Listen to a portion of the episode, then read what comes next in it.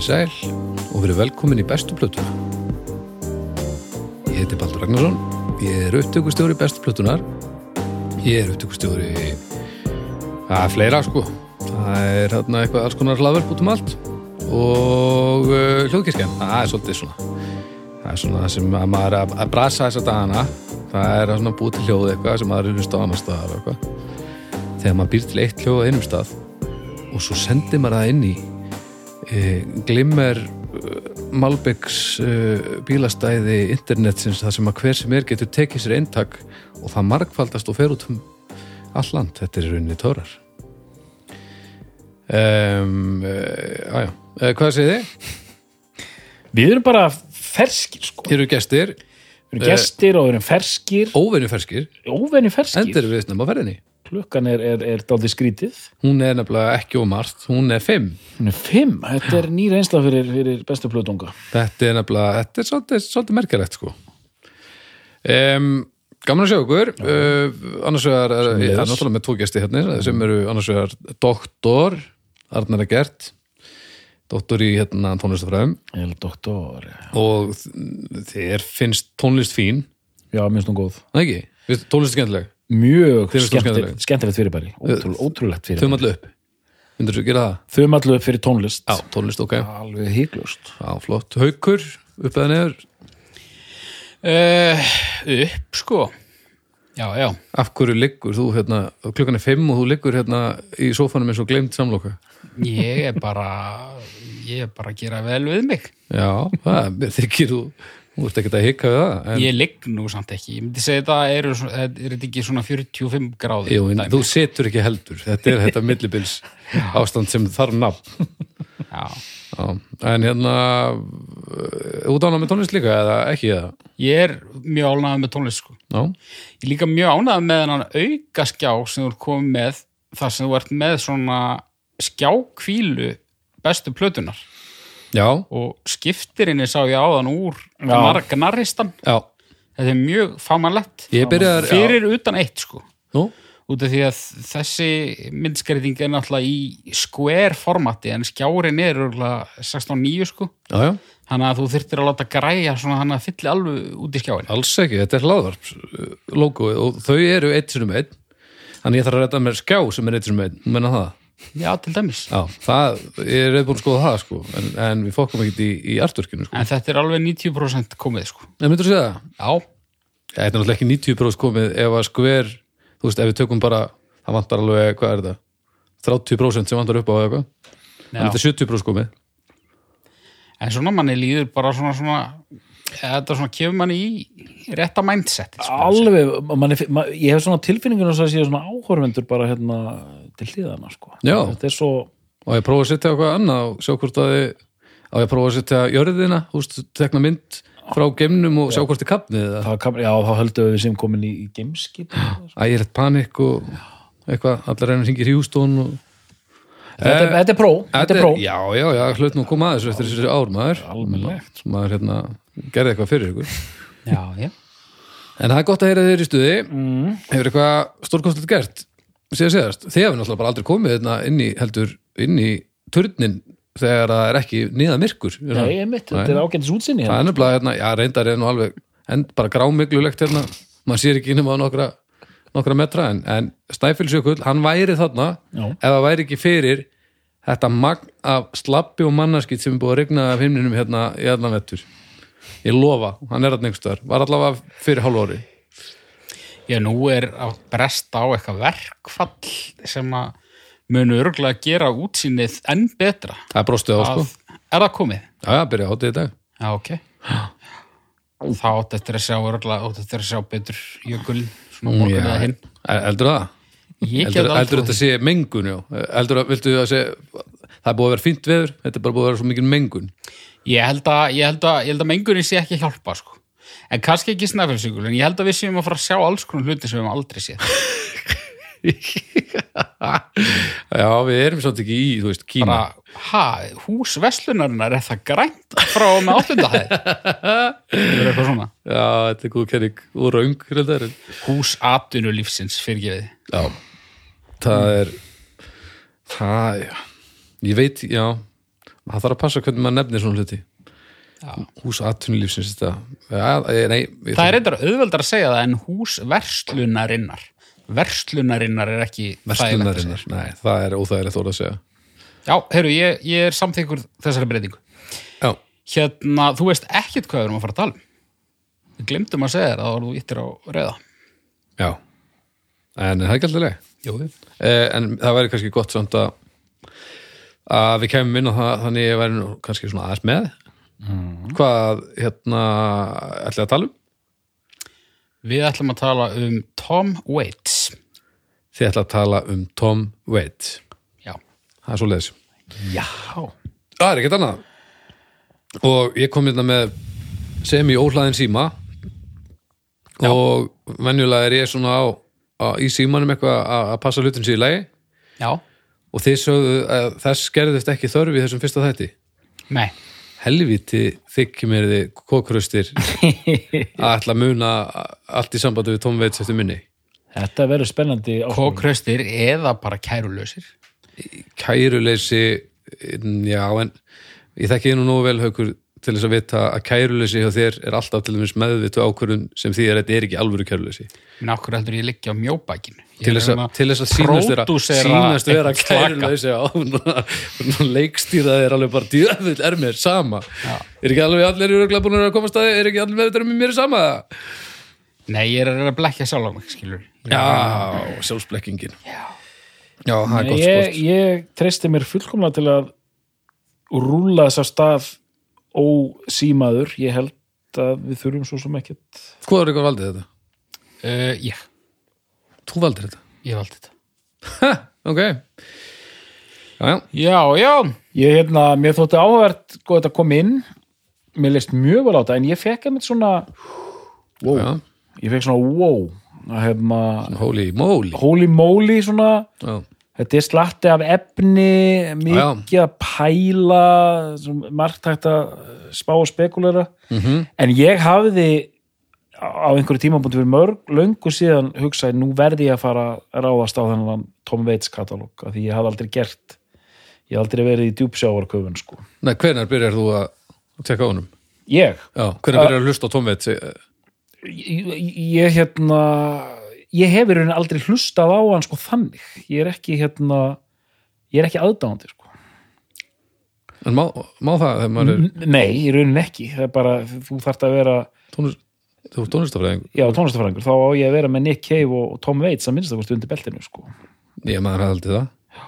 og hérna, Og eitthvað svona, þú veist, einhverja, já, ok, þetta kemur pínu óvart. já Var það því að þér mest að leðilegur eða? nei, man, sko fyrsta myndband fyrsta skipt sem ég sé Tom Waits er í Ríkisjónvarpinu árið 1983 þegar ég er nýjára þá er hann að syngja lagið hérna, In the Neighborhood Mm af hérna, Swordfish Trombons -hmm.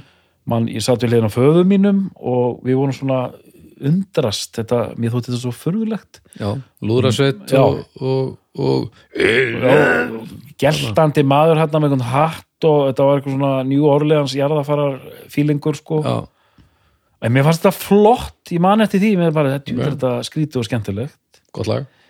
síðan sko sem bara fer þetta af stað eh, en ég vissi alltaf af honum og eitthvað svona en, en kannski, jú, það er eitt hérna ég ætla að koma að það hérna þannig ég var lengi með þetta, ég, nú verði ég að fara að taka dýpdævar, þannig að þú getur ekki sagt frá því að þú sér, kunnir ekki Tom Waits upp á tíu. Nei, þetta, er, þetta er pínu afasamt að þú sést bara búin að vera hérna í einhverjum stöðum, mikilvægum stöðum að, að kenna fólk út í bæ og þú ert bara búin að vera með eitthvað svona, svona rétt y- y- yfir borðs þekkingu á Tom Waits. já, já þetta, er þetta alveg ótrúlega sko. og hérna, en ég man, ég hugsaði því ég var, kannski var það, þegar ég var svona 14-15 og var að byrja Mm hlusta á Sonic Youth og My Bloody Valentine og eitthvað svona, að þykjast vera cool hérna indie hundur Mhm. þá man ég, mér fannst Tom Waits mjög spennandi Mhm. en ég man ég hugsaði ég get ekkert fara að hlusta á þetta strax þetta er of heavy sko.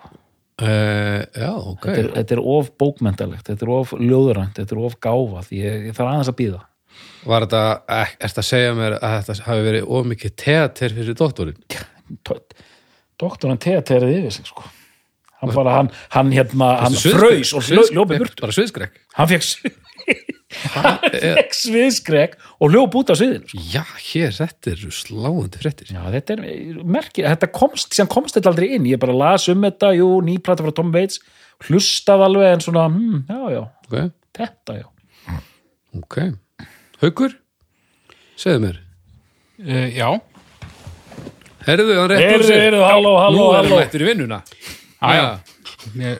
Mér, mér líður alltaf undarlega þegar ég ger þetta að liggja svona Já, mér, mér líður líka núna líður mér eins og ég þurfi ekki að, ringja sjúkrabíl eftir tvær mínútur. Já. En einhvern daginn þá tek ég heilan svona þátt sko. Já, þá skulum hann stuttan. Við getum gert það. Já, uh, Ég, já, ég hérna ég datt inn í þetta svona upp úr tvítugu mhm, og datt síðan eiginlega bara út úr þessu aftur svona upp úr þrítugu. Mhm uh, og uh, hann fer stundum á fónin, ekki oft.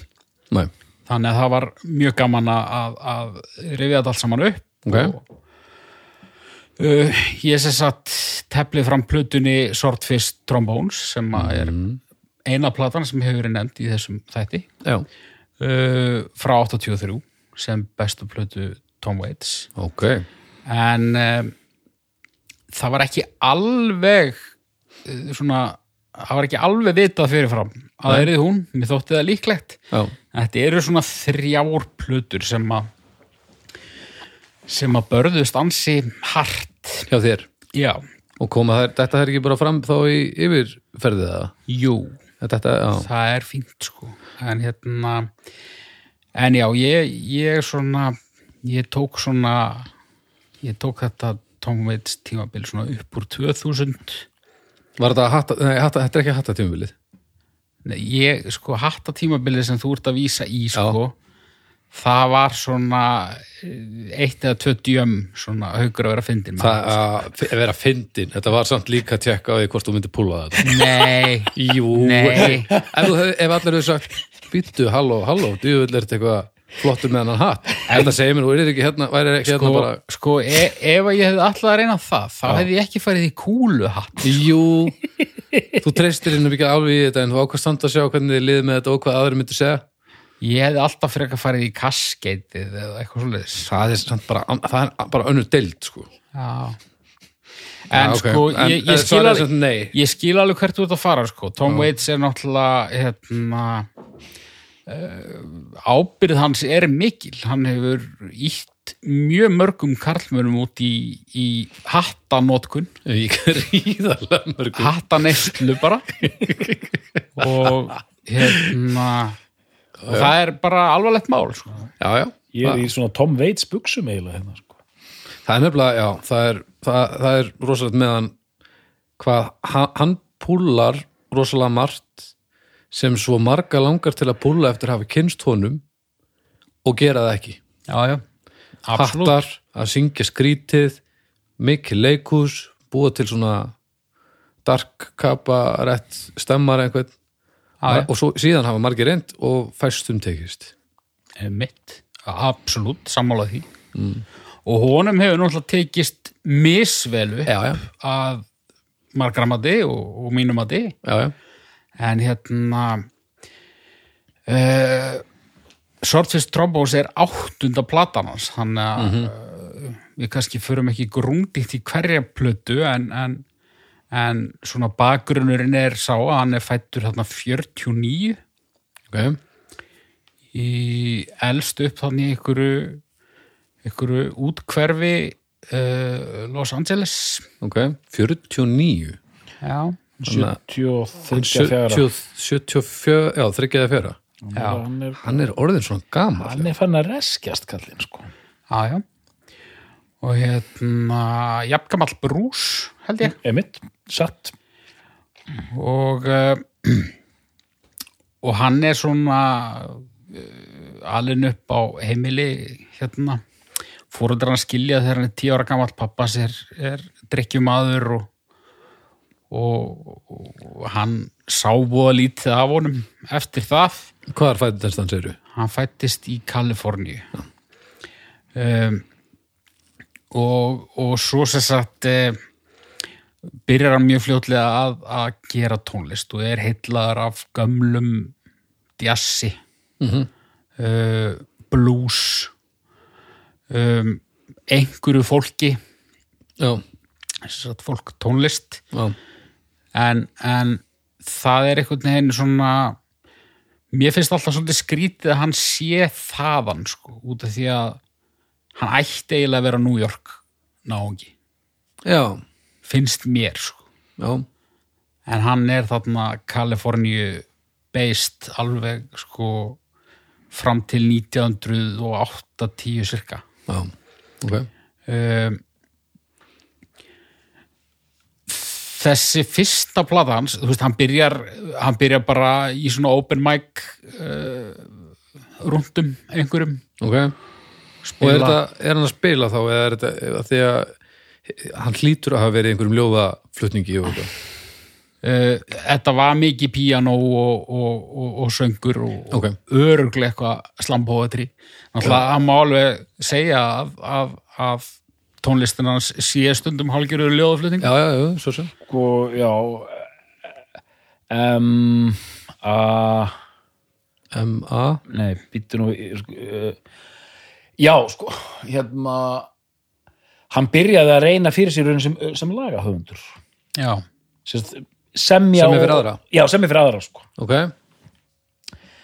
og, og, og, og allt gott með það en nær þarna er bara eins og allir er að tróða upp á einhverjum trúbator klúbum þarna bla bla bla mhm, en hérna sem kemur þessi fyrsta plata sem er nú velmetin hjá ansimörgum já, Closing Time já. um, Hún er fyrst. hún er fyrst, erum við bara dottnir í tímalínuna haukur? Ha? ég held það en, en byrju, pappans hverfur fyllu fyrir í og eitthvað en þar fyrir utan Já, hann sem sagt flytur síðan til San Diego Ok. sem er þarna eitthvað aðeins sunnar. en er þetta einhver skel, hörmungar eska eða er þetta Nei, í Bara- rauninni ekki. Sko. bara svona uh, Bara- beil sem hafa áhrif á þig það sem eftir er en ekki hörmulegar aðstæður þannig Nei, það er engin, það er ekkit tragist við hans líf í rauninni. Nei, nema bara svona, já sem er vöntun. þetta og sem er eitt sem við þurfum að taka áður en við stöndum upp á þessum þetta við þurfum einmitt að taka þetta fyrir. Já,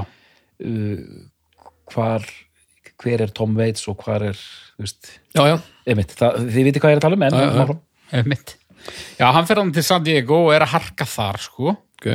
Uh, eða hann fer ekkit, þú veist, hann, uh, mammans flytur með hann til San Diego. Já, já, já, og hann er bara svona að vinna einhver jobb og, og ég reyndar ég, ég vissi ekki þetta með að hann hefði verið að reyna að semja lög og hann í aðra en það, það bara hljómar mjög rökrétt sko. og gekk það bara ekki Uh, nei, ég held líka á þessum tíma 60s og 70s þá var rosa mikil hefð fyrir þessu svona songwriter hefð menn Já, já. mættu bara einhver skrifstofur Já, já, og sátu þar bara við og voru að semja lög sko, og, Mhm. og sjoppa síðan sko. Hann ætlaði að reyna þetta, Chris Kristofferson ætlaði að verða vildi bara vera svona gaur sko. en síðan bara, ég veit, ég veit ekki ekkur menn enda bara, það eru því engi vil kaupa þeim lögin og þeir verða bara að syngja það sjálfur sko. já, já, eða, já einmitt, hitt ekki nógu snemma á hittarana, sko. En, það, en það var nú aldeilis spáðið þessu. Það var nú aldeilis sko fyrsta lagið á fyrstu plötu Tom Waits. Já, hérna Old 55 mhm, það var coverað af Eagles. Já, sem Já. bara tryggði honum feitan tjekka bara sem eftir er sko. Já. og hún er ekkit sérstaklega ánæði með þá meðferð sem að sem að það fekk Það ekki gaman að lenda einhverju. Eagles meðferð sko. Það það ígulaður þeir þeir gerir þetta alveg samilega sko Er það? já, já Já, ok, ég hef ekki heyrt þetta, sko Ég bara, ég, sko, ég, ég tek ekki þátt í þessu Eagles dissi sko ég er engin Eagles maður en, en ég neit að taka þátt í, í ég- þessari þessu tísku fyrirbæri Já, að ég- drulla yfir ernina. Það- ég tók eftir því, það þykna, að snögg þyknaði í hauki sko, þegar uh, við ætlum að fara að stilla þessu upp. Ég vil nú meira, þetta er svona bara partur af þessu pósi sem er búin að vera með henni í gangi fyrir að koma ég hlustaði svolítið á Eagles sem bara Þú áttir er ígúls tímabil, þú átt svo mörg skrítin tímabil já, Hatta tímabilið langa uh, ígúls tímabilið uh, bara uh, mikið vona ég að ég verði jazzmaður tímabilið það var ekki tímabil Ég er kvikmynd að gera maður tímabil Þetta er bara geggjað já, já. Mhm. Nei, nei, ég hlustaði svolítið á Eagles, það var til mikið af Eagles heima. já, já. En hérna, en já, Closing Time, hún kemur hérna, já, já, hann er hérna, uh, fær eitthvað umbóðsmann og, og svo mætir Geffen og, og, og eitthvað hoppum bara, hoppum aðeins áfram. Ætlaði bara að hoppa yfir Closing Times og Nei, við ætlum að, við ætlum að byrja á henni. ok, af því að ég ætlaði bara að láta ykkur þið vitið að verða allir brjálæðir eða á, sleppið ákvörnum Það verða allir brjálaðir hvort þið er og því við erum ekki að fara að tala í fjóra tíma, sko. Já, ok En hérna, Closing Time er ein af mínum uppáhalds Tom Waits plötum, sko. Þannig að þetta þessi eina af þessum þremur? Já. Já, og hérna ég, ég er sko closing time Blue Valentine Swordfish Trombones. Þetta eru þær þrjár Já. plötur sem að ég sem að hafa hrifið mig mest sko. Og, og ertu búin að, myndur þú telja að hafa tekkað á flestu? Með honum? Já, svona á, á svip, svip, svona svipað mikið þannig að þú ættir að hafa kveikt á öðru dóti já, já, þú Ok. veist ég, ég hef náttúrulega heyrt allt saman sko Já, já, ég veit það uh, en svona kannski þessar síðustu þrjár plötur Já. eða sérstaklega þessar síðustu tvær hérna Orphans safnið Já, og svo Bad As Me það var svona, það var svona dót sem ég rúlaði tvist að þrísvar sko. já, já, uh, á sínum tíma og, og, og ekki meiri sko. Mhm. ég hugsa ég hefði sjaldan rúlað Black Rider. Já, uh, og svo reyndar komst ég að því í þessari yfirferð að plata frá 1977 ég bara þekkti hana afskaplega illa og ég held að það hafi bara verið út í ég átt hana bara ekki á setja sko. 77 77 Foreign Affairs heitir hún. Já, út af því ég er að hlusta á þetta í rauninni uh, pre-internet þannig séð, þú veist, það var ekki það var ekki komið Spotify eða neitt slíkt þannig að hérna og, og ég bara, ég held ég hafa ekki áttan á diski og og bara ég held ég að verða að hlusta á hana örgla kannski annað þriðaskipti sko, ég, ég veit það ekki hvað um það Closing Time er samt svo Tom Waits plata sem að ég hef hlustað mest á í rauninni Mhm. í, í svona hinn síðari ár sko. Og það er svona svolítið go to plata þó að ég hef ekki ákveðað að velja hana Já, en hún er líka hún er svolítið svona uh, hún er svolítið frávik skulum við segja ef við en hún er ekki hljómar Nei. ekki eins og fyrsta verk einhvers Nei, og hún hljómar heldur í rauninni ekkit eins og uh, katalógurinn hans Nei. þannig lagað sko. ég vildi mitt nefna hérna hún er í rosalegum svona 70s singer-songwriter stíl. Mm. það eru aðræðin kringum hann uh, hérna helstur hérna hann hérna Æ, hvað, hérna nú nú þetta, Randy Newman heitir hann. Já, og þú veist uh, kannski þú veist James Taylor og allir þessir gaurar sem er að, er að spila Billy Joel er alveg ekkert langt frá þessu. Hva, hvaða lögur við með þarna? það eru lög eins og Martha sem er svona vera að ringja í, í, í svona gamla ástkonu. Já, já, og takið eftir Closing Time. Já, lögin eru öll svona þetta eru uppgjörslög, það er eitthvað svona hérna eitthvað er búið, eitthvað er að enda. Og rosa, þannig samt það er komið eitt svolítið veitslegt við þetta. Að sko, þetta er að ma- margan hátt svo Tom Waits plata sem þeir hlusta á sem hlusta ekki alla jafn á Tom Já.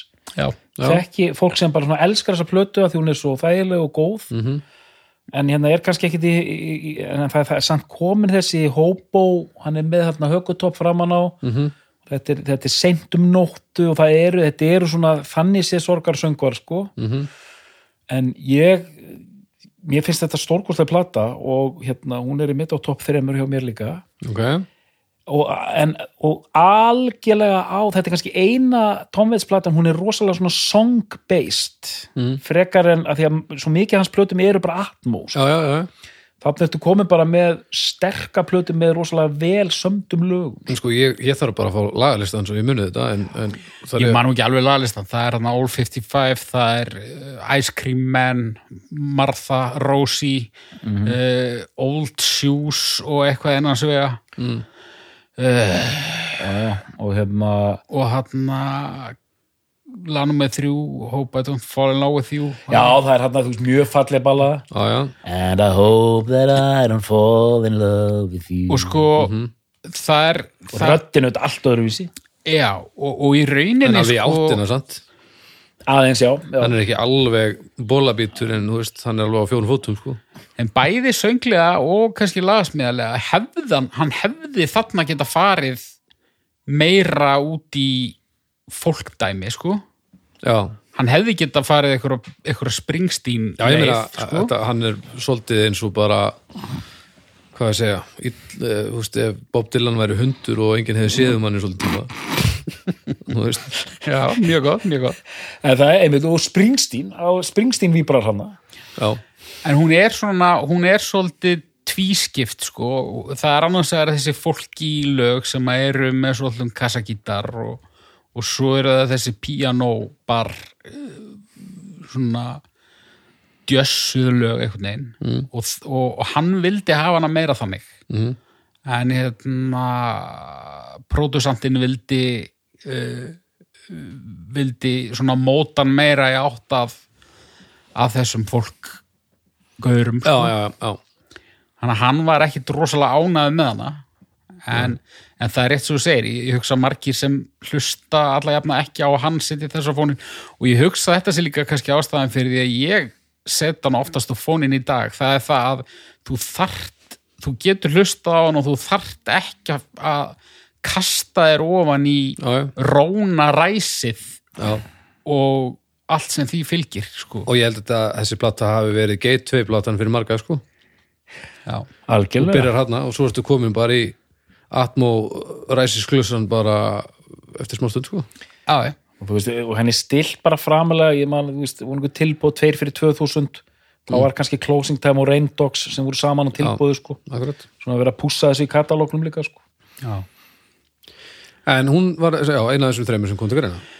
Já, og svo hérna, þú veist hún gengur ekkert eitthvað rosalega vel vekur alveg vissulega aðtikli en, en í rauninni Engin hittari. nei, þú veist ferillin hans er í rauninni svolítið mikið þannig, sko, hann hefur aldrei veist, hann hefur aldrei verið að ná einhverjum einhverjum topplistum neinstæðar, sko Nei, en hann er samt, hann er meira bara svona hann er samt rosa, hann er köld og hann er hann er virtur og áhrifamikill og, og, og hefur haft áhrif á ótrúlega marga sem hafa náð mjög langt. Já, já, en hérna en kannski aldrei og, og lögin hans hafa eh, náð árangri í annara flutningi. Þú veist þessu til dæmis hérna, uh, Downtown Train með Rod Stewart og, og Josie Girl með hérna, Springsteen. Já. Já, ekki gleyma hérna, Eagles hérna, já, All 55 já, akkurat. þeir eru me mektarsveit. Já, já, Nákvæmlega. En hérna hann hendir bara í plötu strax ári eftir og þannig er þetta uh, framan af sko. Mm. Plata 73, 4, 5, 6, 7, 8 öll árin. Fuck. svo 80, 83, 5, 7 Já, þú veist gleðnar þetta aðeins. Já, en Hva- mjög prolific. Hvað kemur þetta nú uh, já, annað? tökum aðeins en við skulum, ekki fara grúndikt í nei. sæðinistæmi, ekki grúndikt. Heart of Saturday Night 74 að ég ætla að nefna sko, það er eiginlega tvö tímabil það er venjulega tímabili sem ég kalla. Það, Já, og síðan það sem Þorgir Tryggvason nefnir já, skransala tímabilið. Já, frá með skransalag tímabili, það er gott og Frá- hljómar, hljómar í svo tóki. frá og með svo fyrst trombóns. Já. hérna, The Heart of Saturday Night Mhm. og það sem komið svo mikið óvart í þessari yfirferð hún er svo venjuleg, þetta er svo venjuleg músík, Já, þetta er bara svona Já, já, þægilegt svona rökkur jazz. Mhm, uh, röddin aðeins tekin að dýpka Mhm. en hann er samt þetta er, bara, þetta er rosa venjulegt. Þetta er, þetta er alveg cool pínu hefi kannski. Ok, og lúkið á honum og þessi plötu umslið eru mjög svona spennandi. Já, já, voru of spennandi fyrir unga mann, hann bara þorði ekki. Nei, ekki strax. ekki strax. Hún kemur að nút, síðan kemur uh, Night Talks at the Diner Sem er- 75 svona tónleikaplata. Já, Já, samt eiginlega ekki. Þetta er, Þetta var svona, þetta var svona staged. Hún er tekin upp í hljóðveri en það var fólk fengið til að mæta sko. Já, já, já. það er bara einhverjir, er einhverjir já. vinir og vandamenn sko. Jú, jú, það er alveg tónleikaplata en, en þetta voru svolítið ekki tónleikar, þetta var meira Eh, hún er tekin upp í einhverjum bútum sko. að fólk láti borgin e, það væri kannski þá ráðandi faktorinn sko. Já, ég myndi alltaf, það, þar skilur það hvort þetta er tónleikaplata eða ekki ég hugsa að þau hafa ekki borgað þetta. Næ, það voru ekki tónleikaplata og þannig er hann auðvitað byrjaður að máta sér í þessar stellingar sko Já, Já. Og er eitthvað svona segjandi einhverja brandar og eitthvað svona. Og er fann að búa til þennan karakter sko. Mm. jaðar eh, fyllibittu ljóða bóhema típa sko. Gransalan þarna finnst mér hann í fyrsta skipti 100% örugur mm. uh, en mér finnst þetta ekki skemmtilega plata. Nei, mér finnst hún mér finnst hérna mér finnst eiginlega bara eins og að það bara verið ítt á rekk og svo var hann bara með eitthvað geggja jazzband. Og syngur svo bara eitthvað sko. þetta, þetta var örgulega gaman að verða vitna þessu. En sem plata finnst mér hún ekki virka allavega ekki á mig sko. okay. en síðan kemur þriðja hljóðsplatan. Það er hérna mér, það er hérna small change. Small Change. Þá er okkar maður mættur sko Þá er hann kominn bara í öllu sinu veldi. Fyrst, fyrsta lagi er hann að Tom Roberts Blues mm, já, sem er rosalegt lag. Já, þar er hann bara þú veist, komið með röddina alveg sko og, þessi geðveika lína komið aldrei langt í laginu hérna, eitthvað Kofort í Copenhagen and a wound that will never heal mm. svakalega eh, sár sem aldrei aldrei, aldrei mun gróa.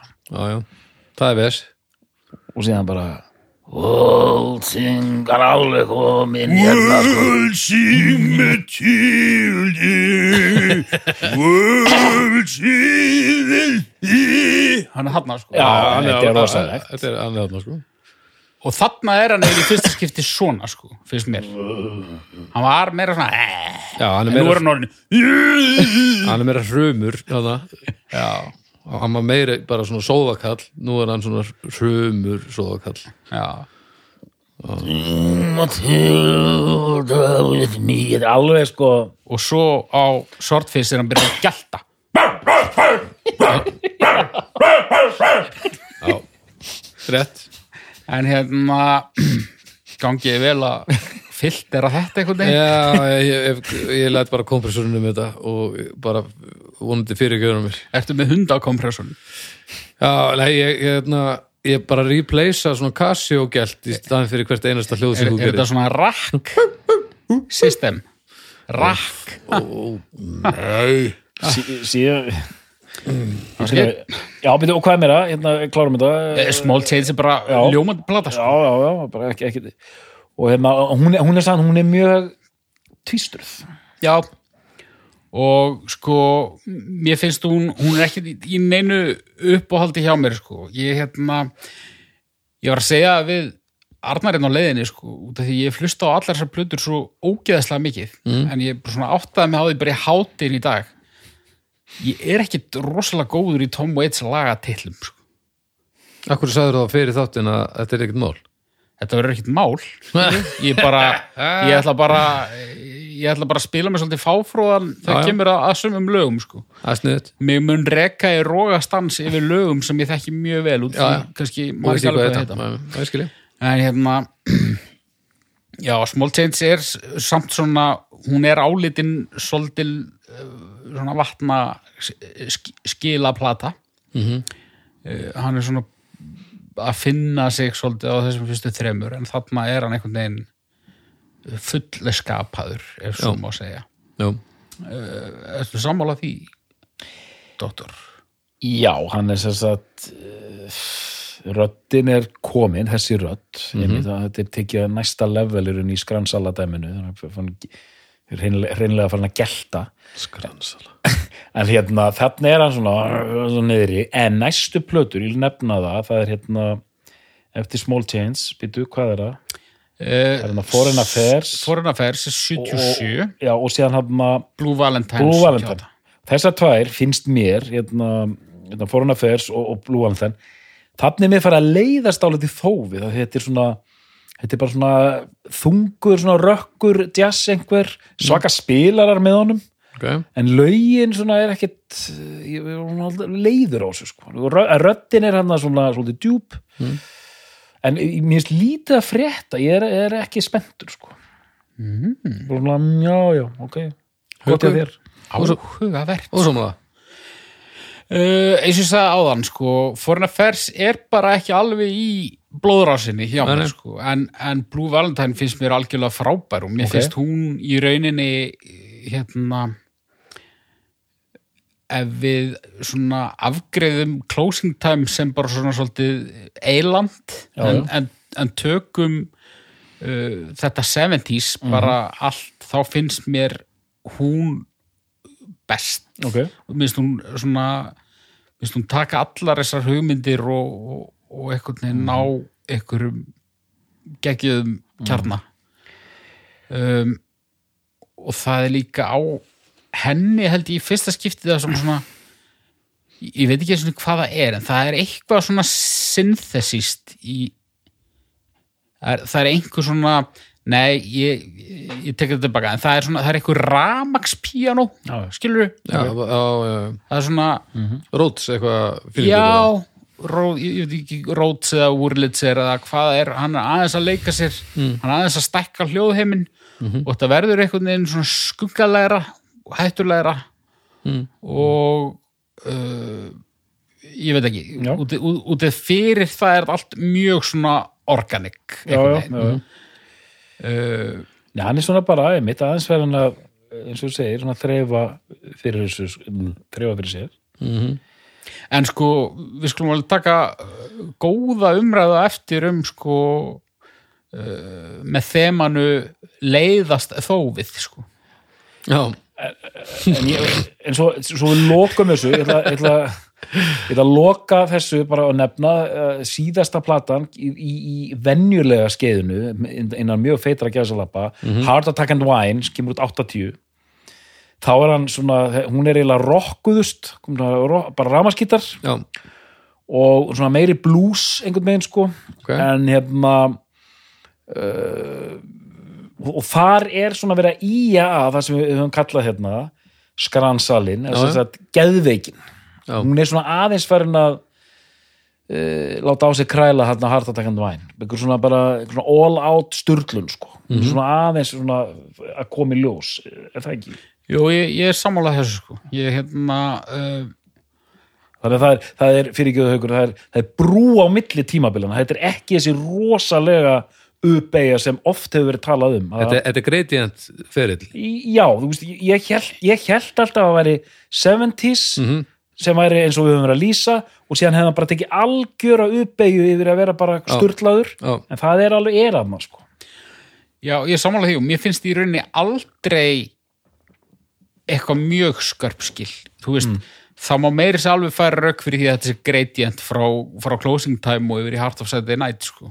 En það er kannski eh, svona helstu skörpuskilin þar eru að, fólkdæmið fer sko. Mhm. en hérna en jú, ég, ég er sammála þessu hérna, þú nefndir þetta nú við mig hérna fyrir í dag og, og ég vissi ekki alveg hvort ég væri sammálaðir en, en, en ég rendi af því tilefni hartakan væn aftur og, og ég er sammála, hún er hérna, það er skransali þarna Ok. það er alveg staðfest Mjög gott en, en, Skransala lærlingur. en, en kannski til að ljúka 70-sunu þá, þá vil ég einnig vekja aðtekli á því að, Blue Valentine er mjög öflug plata fyrir byrjanda sko. ég, ég byrjaði þar Já, já, já, og hún alveg greip mig sko. það er gott að vera Já, og, og ég held hún sé almennt talin þú veist, ef fólk er "Ö, ég skil ekki Tom Waits maður hvað, ö, ö." já, prófaði Blue Valentine. Já. það er, það er stundum stungið upp á því. Ok, ok. Hérna, Hvað gerir svo? Já, það, það sem gerist og þetta er, þetta er mjög áhugavert það sem gerist næst sko. hérna, Sko, uh, og þarna líka þegar þarna eru búin að strauði gegnum helviti marga plötur. Já, uh, ferið hans verður hann verður aldrei kannski hvað er reisastór nei, nei en einhver staðar hlýtur eitthvað að gerast Já, ég ætla, ég ætla bara uh, að nefna sem sagt, og er það bara ekki byrjað þetta? Nei, en það, það sem gerist eiginlega er að, að hann hérna, er ímislegt sem gerist hann, hann, hann, hann semur hérna uh, kvikmyndatónlist fyrir hérna Martin Scorsese hérna One from the Heart mm -hmm. óskup venjuleg músík Okay. Það sem gerist hann upp á 80 er þetta er alveg fánalegt sko. Hérna, hann skiptur merki fyrir yfir á Island Records hérna, merki Bob Marley og U2 Mm -hmm. hann giftir sig hérna, hvað heitir hún, hérna Brennan, Kathleen Brennan. Kathleen Brennan. Okay. og síðan er, nú veit ég ekki alveg en og, og það, eins og við erum að tala um Gradient, það er alveg brú á milli Swordfish Trombons og e, fyrra efnisins, en þetta er samt rosalega djarft. Hann hefur ákveðið mm. ég ætla að prófa þetta. Og það sem ég heyri er meðal annars Captain Beefheart sem ég er með húðflóraðan hérna á handlingin Mm það er þetta geltið og þetta urr og þetta blues-urr er bara þaðan. -hmm. sem er hljómsætti síðan í stundum nefndin í þættinum sem heitir The Residents. Já, sem er svona uh, San Francisco tilraunaband Mhm. sem gerir svona öll lögin þeirra hljóma eins og sé eitthvað undarlegt að gerast í Twin Peaks heiminum sko. já, já, já. hann tekur það alveg inn þarna Swordfish Trombones fyrsta lagið er hérna Underground Mm Underground du, du, du, du, og þetta er allt orðið í þessu íri dæmi já, já. þriðja lagi sem heitir eitthvað Danny the Boiler eða eitthvað álíka það er bara svona residence motta, það er bara eins og sitt fastur inn í einhverjum súrealiskum kafbátt uh, The Butcher. Já, The Eh, Butcher. ekki? já. Já. það er bara, það er bara hvað er í gangi en að hugsa þú sko? Bara, hvað f- f- furðu? En eins og ég, ég, ég þór ekki að fara með hvort þetta var sko bara hannað á einhverju teikniborði eða hann fekk eldingu hausinn eða hvað það gerðist sko. Nei, mér finnst, mér finnst maður alveg heyra svona eh, vísa af þessu áður sko, en, en, en það er rétt að, að, að þarna er í fyrst skipti það sem að feð bara alla leið í þessu og er bara, þú veist það er bara verið að berja á potta og pönnur og, og þenni einhverja físibelgi sko. já, já. einmitt og hérna og að búa til einhver hljóðfæri og, og svona föl, fölsk píun og já, Já. einmitt og svona klink klank einhvern veginn já, sko. mjög, já, já, mjög mikið og, og, og bara svona mjög einhvern veginn á, áhugaverð áhugaverð stefnubreiting og en það sem þetta gerir að þetta er oft sko hvernig ætlar 70 stjarnan að lifa af pöngið sko og þú sér hérna, hérna eins og þursaflokkurinn mm nær að læða sér hann inn í Rokki Reykjavík 82 -hmm. með hann að lægi þögull eins og meiri hlutin það sem er svona smá þeysara gítar í gangi Mhm. Swordfish Trombons var svona plata sem Joy Division aðdándur og pöngarar samþyktu að þetta var svo furðulegt og svona avantgard Mhm. að þetta krát bara hei furðuleg músík, bara post-punk krátið var bara já, on board sko. já, já. já. En Og- þetta, og- þetta og- svona leikus, klikk og klank þetta er kalla, við kallum þetta vonk yfirleitt, vonk, vonkið við hálfvitar allavega já. Það, þetta, þegar þetta er komið þangað það er þetta slagverks grunns skrít eitthvað einmitt. Maður hugsaður um svona, svo down and out. Mm það er mjög vonk vonkað En sko, ég ákvað að velja þessa plötu út því að hún er ótrúlega, hún er frumleg, hún er uh, spennandi og hún er ótrúlega fjölbreytt þó við séum að, að tala um hana almennt sem eitthvað hérna, skransala, Já, já. drauga, karnevals, geðvegrahælis, eitthvað. rendu nú í gegnum aðeins hvað er á þessari plötu Það eru svona 80.000 lög á þessari plötu. Já, ég er nefnilega vissi það og þú sagðist alltaf sko, renni þetta eftir minni lát, heyra sko, byrjar þarna underground Já. og við erum búin að fara í það, það er bara gælt út í gegn uh, Sjórlíf það er númer tvö og það er hérna ætla nú ekki að fara að syngja það. Það, er svona, það er svona hann, uh, hann svona kvíslar það svolítið og dettur svo í mjög ángur var hann kórus hann Nú, hvernig er hann? ég veit það ekki. Nei, ég man ekki. Ég, ég, Þetta er plata sem ég alveg hlusta svolítið á en, ég, en lögin eru þúsund, það er staðarinn Já, og það er hérna I'm so far away from home. Eitthvað, hann er að skrifa til uh, ástarinnar sinnar Dave the Butcher, lag þrjú. Dave the Butcher? Já, báðir ránt fyrir ykkur og rétt fyrir ykkur. Það er magna og hérna uh, svo dettur hann bara í, í undurfagra balluðu númer fjögur, er það ekki? Johnsburg, Illinois. Jonesburg, Illinois, betur þekkt sem uh, auðlýsingalag brúköps þáttarins Já. Alveg rétt, já. Skjá einum? Alveg rétt. Vel spilað heyrið stráki, ég glimti rosalegum móla á þann rosalegum, Nú. en ok förum í það á eftir, Ha? En ef þú gleymir hún matur? ég glem honum ekki eftir Ok um, Þarna kemur einmitt sko Emmitt, lag nummer fjögur inn í, þú ert, heldur þú sett komin inn í einmitt Karneval döðans mm. þá kemur alltaf einu venjulegt lag já bara svona fallegur ástarsöngur mm. mjög stuttur og. Já, og streit sko 16 shells from a 30 odd 6 já það er ekki það, það, er, lag. það er uh, þvottabala. Já. það, það er svona lag sem hljómar eins og bíll í einhverju eh, er- sem að er að eðalega það er þarna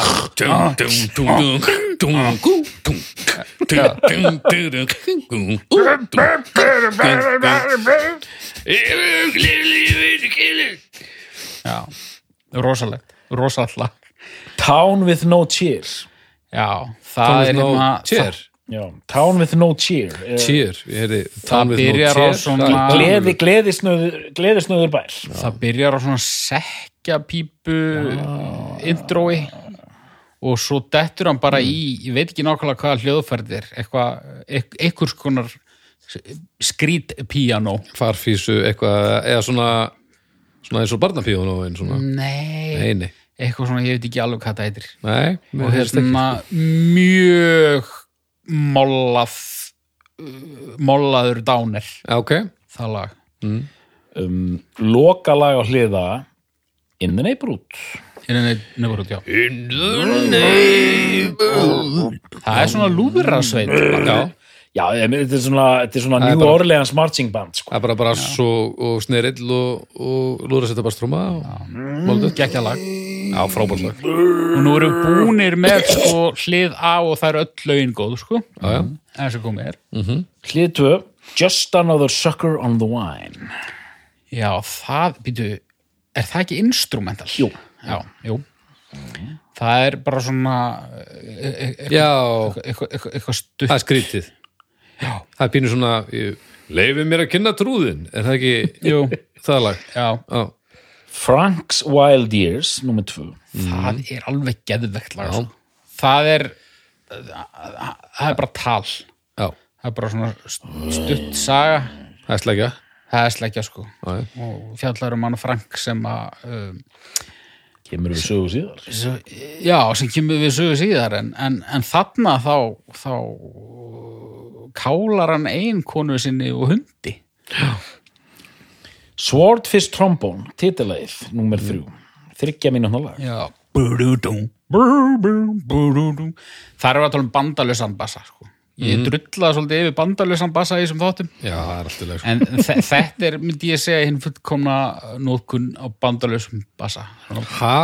það er svona bandalaus bassi og svona eitthvað svona marimba. Þetta er eitthvað svona dum, taktur. Já, þá áttu bara að vera kontri Já, þetta er, ég held að þetta sé, sem er bandalusbassi en, já, en kontri. ekki Nei, þú veist, já, frekar þú veist, Nei, bandalus Pól, uh, Kannski- Sæmon og bandalusbassi þar eru við að tala um sannig að nota bandalusan bassa Kanski er þetta kontri, en það er samt Þetta er ekki kontri, þetta það er eitthvað pínu 80s sound á honum, svona. Já, já Er það þá hana 1680s, af því að þá er það mjögulega kontri Já, nei. Down, down, down. Það er svona hratt og Það er svona manist. Já, og það er nú eiginlega bara svona hérna, eitthvað svona orgel. uh, það er hérna bara svona langisili það er nú bara eiginlega svona hvað heitir þetta? Hvað heitir tónlistastafnan sem ég er að reyna að muna? Þú Rockabilly. Rockabilly, takk doktor. Soldiers Think lag nummer 5 Já. á hlitu það er hérna það er dánir, dánir mikil dánir en, en sko, við, við heyrum það kæru hlustendur, þetta er fjölbreytt plata Já. þetta er ekki bara sirkustöðan sinna 15 sko. Gin Soaked Boy Gin Soaked Boy er bara blues í rauninni. Mm, bara svona mjög rekugur blues. Mhm. nú er blues ekki uppáhaldið mitt nei, en nei, nei, þetta er geggja lag sko. Mhm, ok. Troubles Braids lag nummer 7 1 mínút og 18 sekund er það ekki næst síðasta lagið? Jú. Já, það er, það er bara svona hann eitthvað að, að svona gelta yfir eitthvað, eitthvað svona percussion dót sem myndar eitthvað svona þetta hljóma bara eins og skottbardagi hann perkið á bakveðan já, og sen er lokað með uh, ósungnulagi Rainbirds. Já. Mm. Þetta er og eitt sem við þurfum að skjóta að ég er bara að skjóta það svo ég gleymi því ekki að þannig maður sem er að vinna með svona blues og voodoo og allt þetta ameríska Mhm. en er líka mjög upptekinn af svona evróskri leikhúshefð og já, þetta er mjög millistriðsára músík og eitthvað svona þetta er mjög svona uh, franskt Já. le og, og, og Þýskt, brest já. gamalt leikhús í blandu trúða og já, þetta er sturlaður pottur sko. já, já uh, Tökum hérna næstu tvær og förum svo hundavaðið. En eitt, eh, ekkert slæmt lag á þessu plötu sérst, Nei, það er bara þannig. Ég raun ekki sko. Já, það er ekki þannig sko. Eh, ég myndi segja alliðin þó ég er alltaf hlusta á þetta bara á, á, á diskum þá, þá er hún uh, sterkari. Já, já, og, og rúlar sko í góðu atmóði þannig séð en þessi atmó hugsun mín á eftir að verða enn sterkari þegar sko við förum á. eh, svona setni tíma plötur eru bara eh, finnst manni stundum bara eins og eitt lag sko. Já. en höldum áfram, já, gerum þetta svona eins og þú varst að segja. Já, næstu tvær eða þrjár kannski. Hérna ah, já, ok, Næ- næsta plata heitir Reindox á ég að koma með mólan sem ég glemdi já, mólað okkur. Áður en þú Ég glemdi alltaf ekki það mólanum sko, sem að hefði átt að koma bara í closing time sko. nú, ok, já, út með mólan út með mólan Það er náttúrulega náttúrulega Íslandstenging. Nó. já, uh, Hann var ekki alveg nóg ánæði með það sem var komið in the can á closing time. Ok. Eh, þannig að hann ákveður að bæta við einu lagi og taka svo ykkur overdubs líka á eitthvað sem var búið að gera. Mm. en uh, hann fann ekki bassaleikara sinn. Ok, hann var óínáanlegur. Ok. Þannig að hann ringir ekkert og bara eru tjekkað á þessum gur þannig að það er hringt í Árna nokkurn Egilson jú, jú, þekkja hann. Kontrabassa uh, mann sem var búsettur í, í Kaliforníu. Ok, og hann er stattur í grillveislu já, og hann treður uh, ferlíkinu bara í skottið á bílum sínum og, og mætir hana og, og plokkar bassa í lokalægi í, í titillægi Closing Time. Ok, og ég held að hann spili líka inn á ég held að hann spili ykkur overdub hann líka ég, ég þekki það ekki alveg sko. vissir þú ekki neitt um þetta, dóttur? Ég er bara, eh, mér finnst þetta stórkost að sagja sko. sko ég hafði alltaf heyrt ég, ég hafði alltaf heyrt þess að sögða það hefði einhver Íslendingur verið ræstur út þarna en, en þú veist mér minnir að það hef ekki staðið inn í disknum þú veist, mér minnir að hann hafi ekki verið kreditaður sko. nú, uh, en, sko, en nú, nú hafði ég internetið þannig að ég ákvað bara að komast algjörlega til bots í þessu sögu Já. svona er þessi saga Já, ok já. og svo fór ég bara að skoða hana manna þetta er náttúrulega bara maður sem er úr jazzinum og klassikinni sko ok en ég fór svona að skoða ég bara, ég tók bara góðan klukkutíma bara deep dive á þennan áanga sko. ok, hann spilar bassan í Dallas þemanu Já, já. Ah, ok, hann spilar inn á soundtrackið fyrir Predator. Nei, hann spilar bassa inn á soundtrackið fyrir Commando. Haldu kjaft? Og svo bara held þetta áfram. Og þetta voru bara allar myndir sem ég hef séð. Þar spilar þessi maður bassa. Og Harrison Ford var smiður heima hjá honum en þurfti að hætta út af því að hann var komið hlutverk í einhverju, einhverju game vittleysu sem að hérna, hann þurfti að fara að leiki hvað er það bara ósmiðar, hálsmiðar veggur heima á honum? Já, ég held að það verið skatthól Já, hei Já, já, Átni, ég tók viðtal við Átni einhvern tímann sko. þetta er bara einn, bara mikil virkast sko, bassalegar í Ísland sko. hann Já, búa bara þarna og bara sessjónspilari í ára tví Nei, bara um leið og sagði Predator, það var þetta komið sko. Já. Já, og kommandó maður, Vá, þú, þú, það er ekki hægt að þetta og lock up þetta er ótrúlega sko. Þarna sko Já, já, þetta var nú mólinn góði sko. Þetta var góð er- móli. Þetta var- þetta var- Þetta er bara mjög ég, ég var mjög ánægð með hennar móla sko. Í Macintosh dollunni, þá var þetta var ekki rautt eða pissinugult hann hefði, hann var samt illa tímasettur sko. hann hefði átt að Já, koma já, þarna já, þetta var hörmuleg tæming getur, getur skeitt honum aft, nei, framar í þáttinn Gæti það, gera það ekki. Okay. sko, herru, Reyndogs Redox ég ætla að nefna eitt. Þetta er áhugavert. Ég, hérna ég, ég kefti Reyndogs einhvern tímann á geisladisk og, og, og hlustaði og náði aldrei þessari engri, engri tengingu, ég dætt ekki í pittin sko, Ég er ekki sko á þetta sé þín plata sko. Sé? Ég held að þetta sé platan sem þú, þú valdir. Nei, þetta, er, þetta, er, þetta er hræðilega því miður erum við ekki með neitt slag hérna í sjónmáli sko þetta er frábær plata, Reyndogs en ég, ég vil nefna eitt og ég ætla hérna aðtöða hvort ég tengi við þetta. Fyrsta Ok. lagið, Já, Singapur já. We sing the super Singapore The Bara- captain is a one-night dwarf. Thief away Þetta er, það er, það er svona underground algjör bara geðveiki en ég held að bara ok ég vildi fá plötu sem væri öll svona. Já, og síðan bara þegar, byrja, þegar hann byrja að læða inn venjulegum lögum já, já. þá hugsa ég bara þetta, þetta er svikinu vara.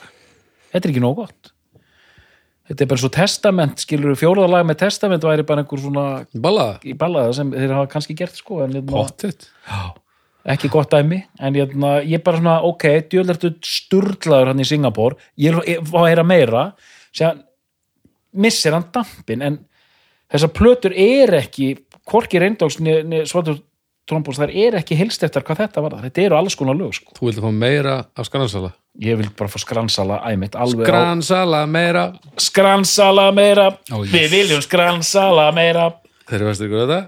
Þetta var gott. mjög góð Þetta var mjög gott. meira þetta var mjög Já, gott takk Já, ég, ég, sko, mér finnst þetta að vera styrkur þessara platna að, að þær eru fjölbreyttar og ég held að, sko, hefur verið ánæður með heila skransalplötu í smástund á sínum tíma en ég held að það hefði fljótt orðið ansið þreytt, sko. þetta, en þetta er einhver svona greinlega, þetta er svona króm uh, þörfin í Arnari sko. þú veist, ég elska Unknown Pleasures með Dötu Vision af því öll lögin eru eins ég vil ekki fá neitt bolero miðbyggi sko. það er bara Á, ekki nei, nei, á, Skilji Nei.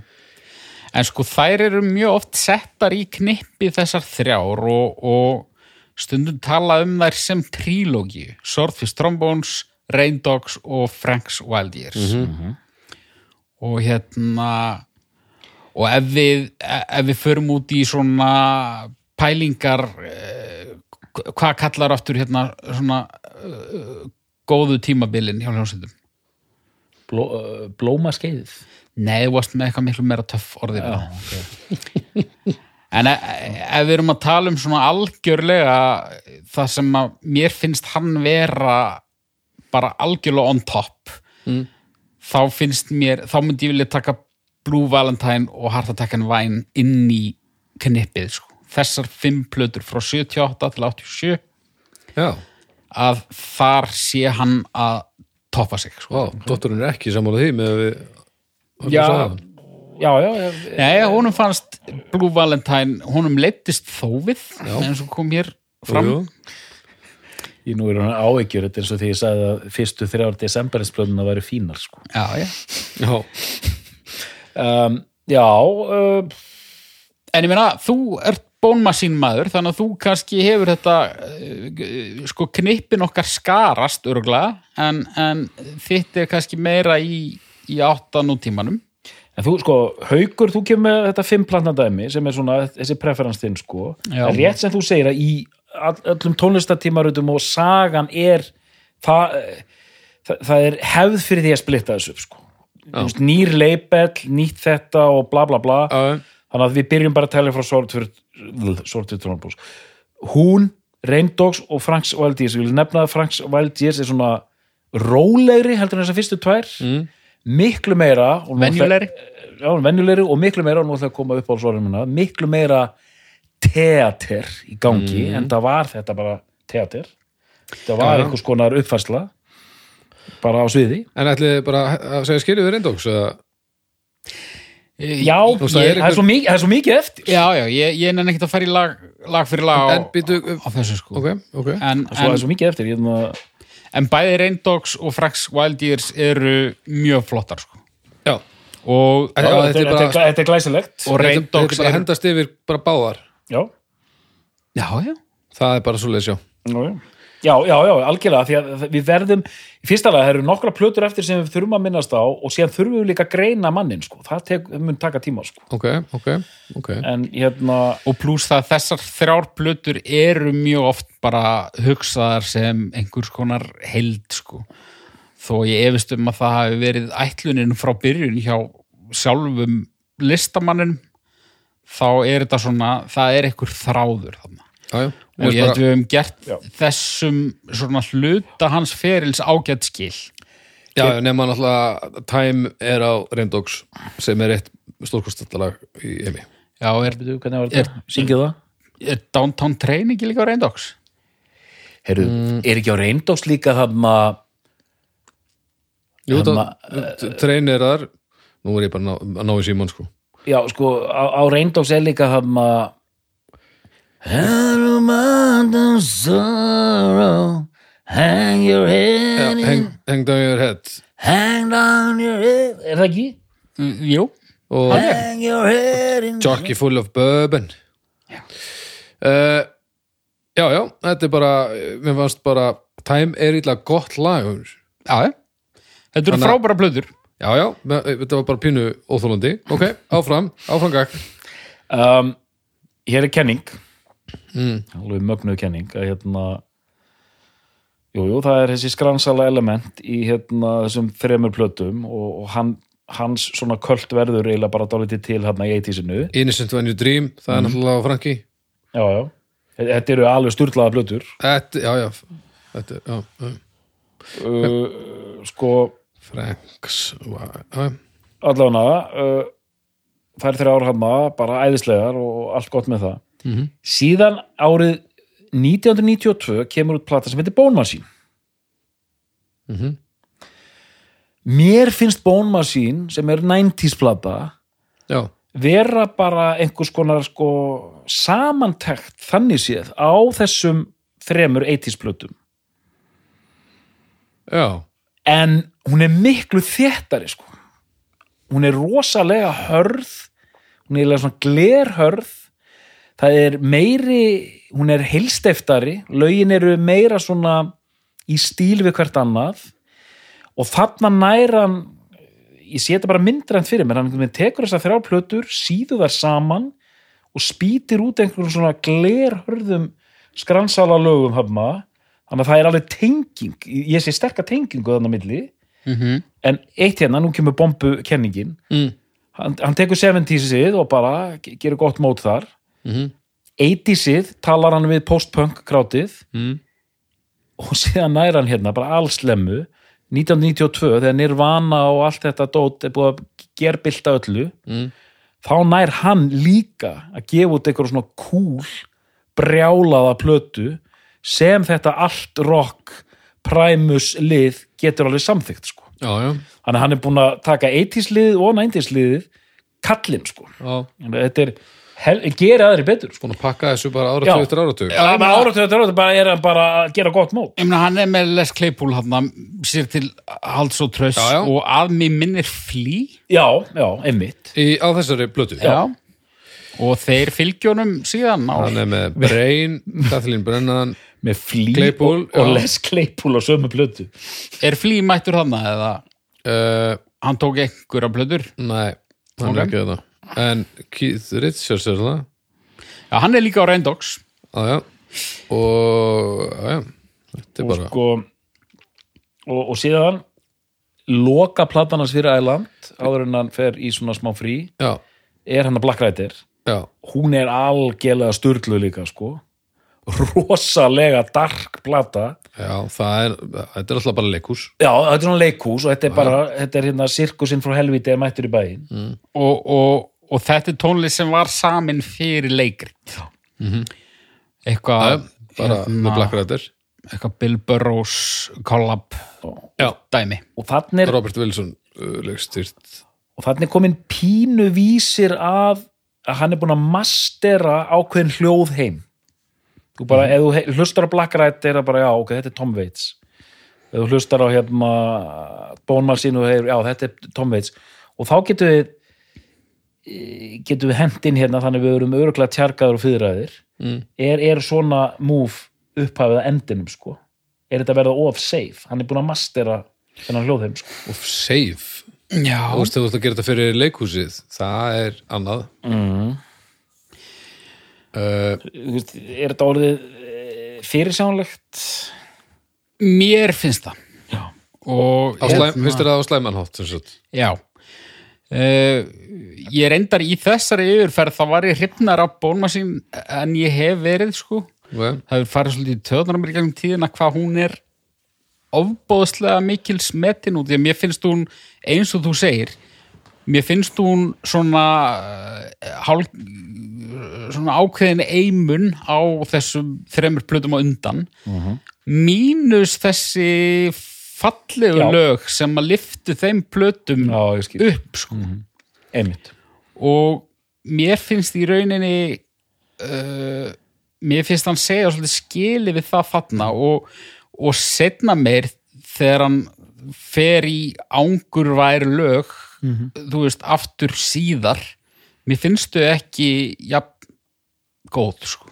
en þannig að sko Bónmar sín er glerhörð og krómuð surprise, surprise, Arnar er hrifin. En, en þú veist, mér finnst þetta ekki drastl alls nei, það, það er eitt.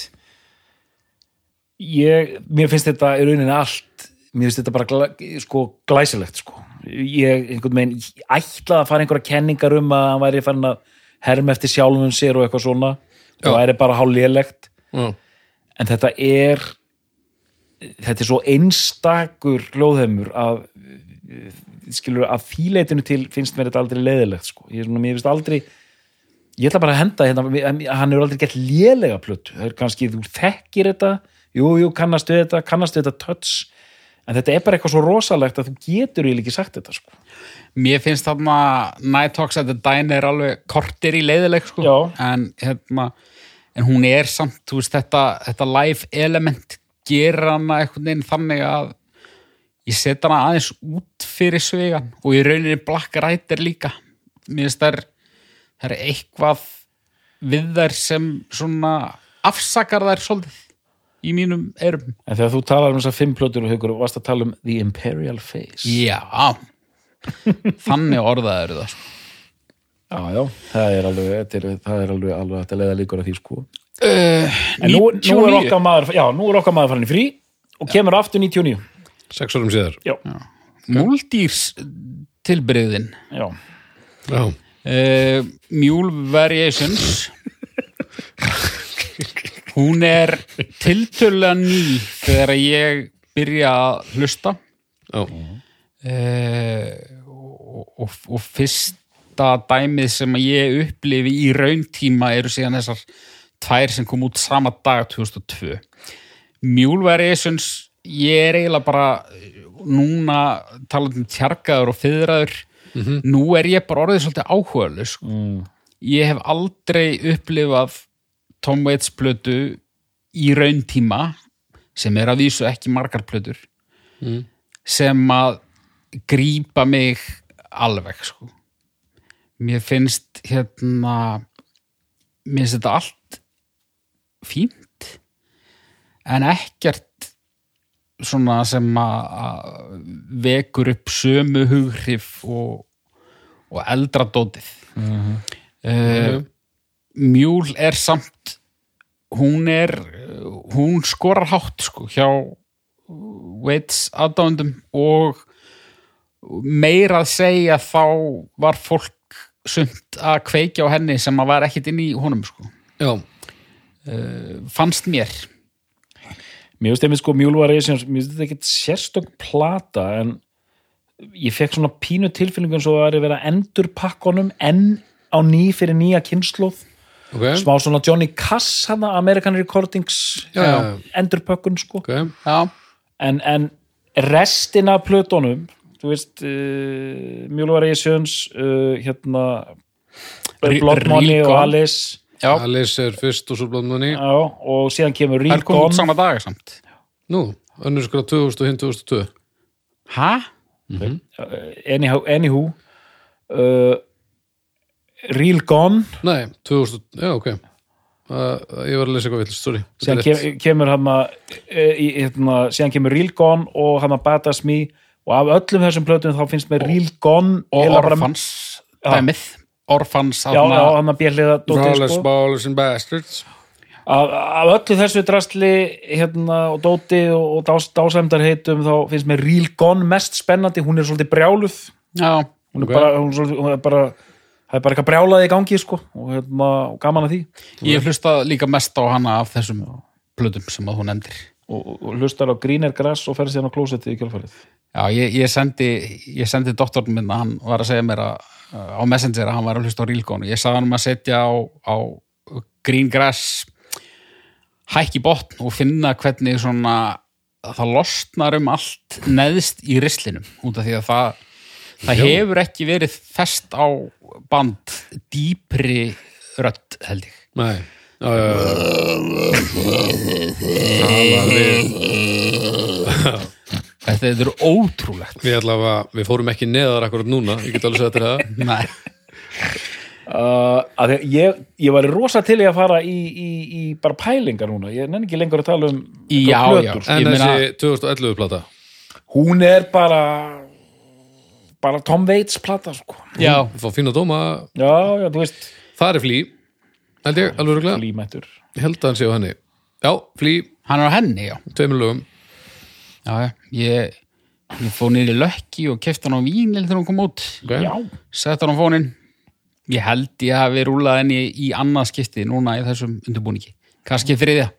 Og Bara fín, sko, en, en hérna, ég er bara, ég er bara búin að missa áhugan svolítið þannig, sko.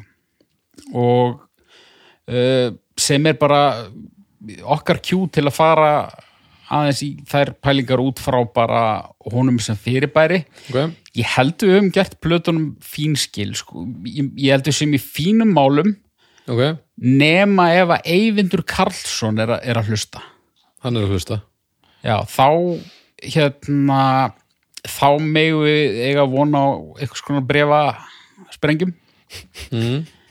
en hérna já. En en að- það, það eru fleiri maður, þetta er eins og að tala við Nick Cave kvöldið sko. Já, já, ég sko eh, ég lagði ég lagði upp með það að mig langaði að tala um þær þrjár plötur sem að standa mér næst. Mm. og þið getur farið nánar út í plötur sem að ykkur fyndist uh, eiga það skilið. Mm. og þetta er agalega umfangsmikill katalógur. En við þurfum að tala um já, fyrirbærið. fyrirbærið. Ok, og hvar byrjum við á því sko? út af því að sko ég dyrkaði þetta dót 20-30 ára gamall. Mm svo svona var ég áhuga laus og svo einhvern veginn núna þegar ég er að hlusta á þetta aftur þá er ég að upplifa upplifa hann einhvern veginn bara þú veist, í dag finnst mér þetta allt snild og morgun finnst mér þetta allt bara finnst mér og að segja hafa með að fýbli sko.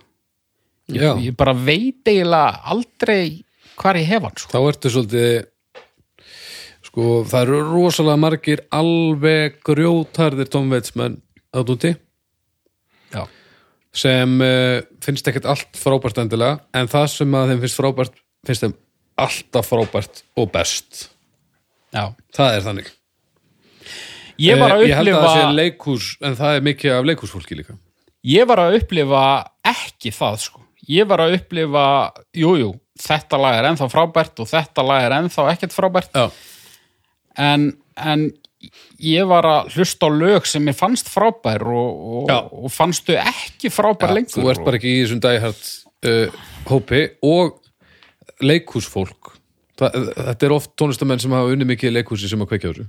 Já, af því að þetta er náttúrulega bara þetta er bara kabarett Ég held að vi- vini mínir Þetta er bara- Frank Hall til dæmis, Höskuldur Ólason þetta eru miklir veitsarar sko. Já, Ármann og, Já. og, og Toggi sem eru með mér í hálfutunum þetta er alveg, stendur heim Gunni Ben já, þetta er allt saman alveg, alveg eh, forfaldnir Tom Waits menn sko og allir náttúrulega með leikustenginguna líka já, já. en sko mér finnst ég mér finnst ég alveg vera með sko hlustunar uh, klukkustundirnar á bakvið það að- að að segja þetta sko en, en mér finnst þetta uh, mér finnst mér finnst hann gera þetta misvel sko og, og finnst bara, ég kaupi þetta bara mis mikið sko. Stundum finnst mér þetta algjör snild eins og til dæmis textarnir og veist þetta er náttúrulega mikið verið að fjallum hérna einhverja ógæfu persónur í Já, sögur. Já, Já, og stundum finnst mér algjör snild sko. en, en svo svo stundum líka finnst mér bara eins og hann sé að segja bara eitthvað. Sem er örgulega raunin stundum, lítur það ekki vera? En ég, svo sem veit það ekki. Hann, hefur sko, hann hefur verið hann hafa talað um hann hérna að nú man ég ekki hvað hann heitir það kom út svona ljósmyndabók sem er svona ljósmyndir af hinnum í aðarsettu í Ameríku sko. Frátaklingum og fyllibittum og eitthvað svona og hann er svona að syngja dálítið inn í þetta setni hlutafélagsins svona óður til skrýtna fólksins einhvern veginn sko. mér finnst það verið að gera allan fyrirlin sko. já, og í rauninni já. Já, ég meina closing Já, Já, já, al- algjörlega, þetta er, þetta er alltaf þetta er alltaf einhvern veginn eftir minnætti sko, fílingur. Það sem trubla mig rosalega og það er það sem ég þarf að fá speklun á hérna er, mér finnst þetta svo stert bara andlitið á honum klæðnaðurinn, umslögin lögin, að, að þú veist mér finnst þetta að vera þegar hann var í 70 þá vil ég hann hafi búið í einhverju og hérna með, með viskipjala er að svo sannum já, ég vil að þessar plötur Swordfish Trombones hafi verið teknar upp í einhverjum hjalli í Mississippi. Og síðan er ég að heyra af því að þetta sé bara maður sem er í joggingbuksunum heima hjá sér að hérna, horfa Netflix. Já, já. Og þetta sé bara eitthvað svona karakter og ég er bara svona, ég á svo erfitt með að bara samþykja það sko. já en þá ert þú bara vandamáli sko hann bjó á tímabili bara í einhverju, einhverju algjöru hreysi og, og bara borðaði bara mold og eitthvað en það var samt meðvitað ákvörðun hjá honum sko. Já, já, já, þetta var bara, bara Já. black metal gaurinn að grafa buksunum sínar já og, og hann var alveg hreinskilið með það hann sagði bara bara til þess að geta samið svona texta oh, Ef þú ert að segja mér þessi method þá er ég að já, að vera já, það er bara Ó, það er absolutt óþolandi. það sko. það er nefnilega pínu óþólandi Ó, verður bara í joggingbuxum Anskotið En ég meina, ef að þetta er eitthvað sem honum finnst virka þá er það bara flott, sko. En, það? En hérna, en þetta var náttúrulega 80, sko. Núna held ég að hann sé bara í Netflix, sko. Nú bara kemst hann ekki í úr joggingbuxunum Já. sko, já, að því að ég meina Þú, já, já, ég, ég, Þú veist, ég, ég vil frekar bara að menn setja sér stellingar, þú veist, að, en ég líka bara er til já, það er bara fínt. já, já, Já.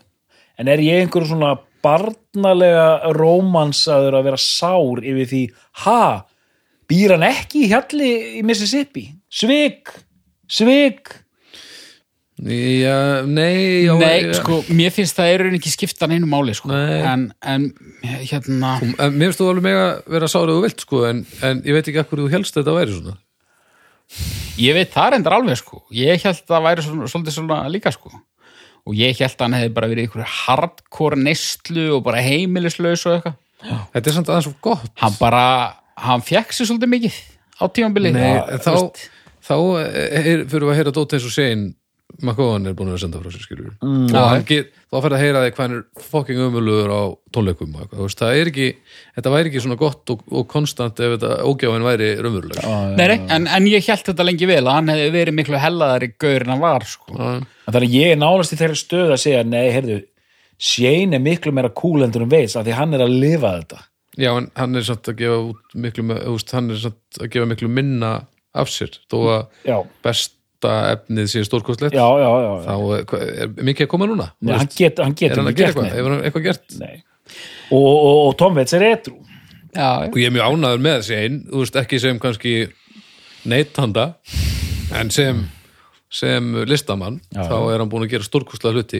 En ég var alveg til í að hann var ekki búin að rústa sér Mhm, að þegar þá kannski hefðu fengið meira af snild Já, en kannski hefðu ekki fengið neina snild ef hann væri bara eitthvað í jakkafötum Já, sko, hvað mig varðar þá er mér eiginlega alveg sama hvernig hann er í raun og veru á meðan að eh, á meðan ég kaupi það sem hann er að syngja, sko. Á, með, á meðan að, en kaupir það á hvaða fórsöndum bara á, þú veist, á meðan að mér finnst það samfærandi, skilur þú til að nógu samfærandi bara heimurinn sem hann er að búa til. Já. Þú bara er, kemst í feeling. Já. og þó þú vittir að hann sé ekki raunverulegur að bara hann sé að gera þetta nógu samfærandi bara eins og maður, er, maður getur hort á bíómynd og maður veit að þetta er ekki svona en það er geggjað að maður lefið sér Já, Já.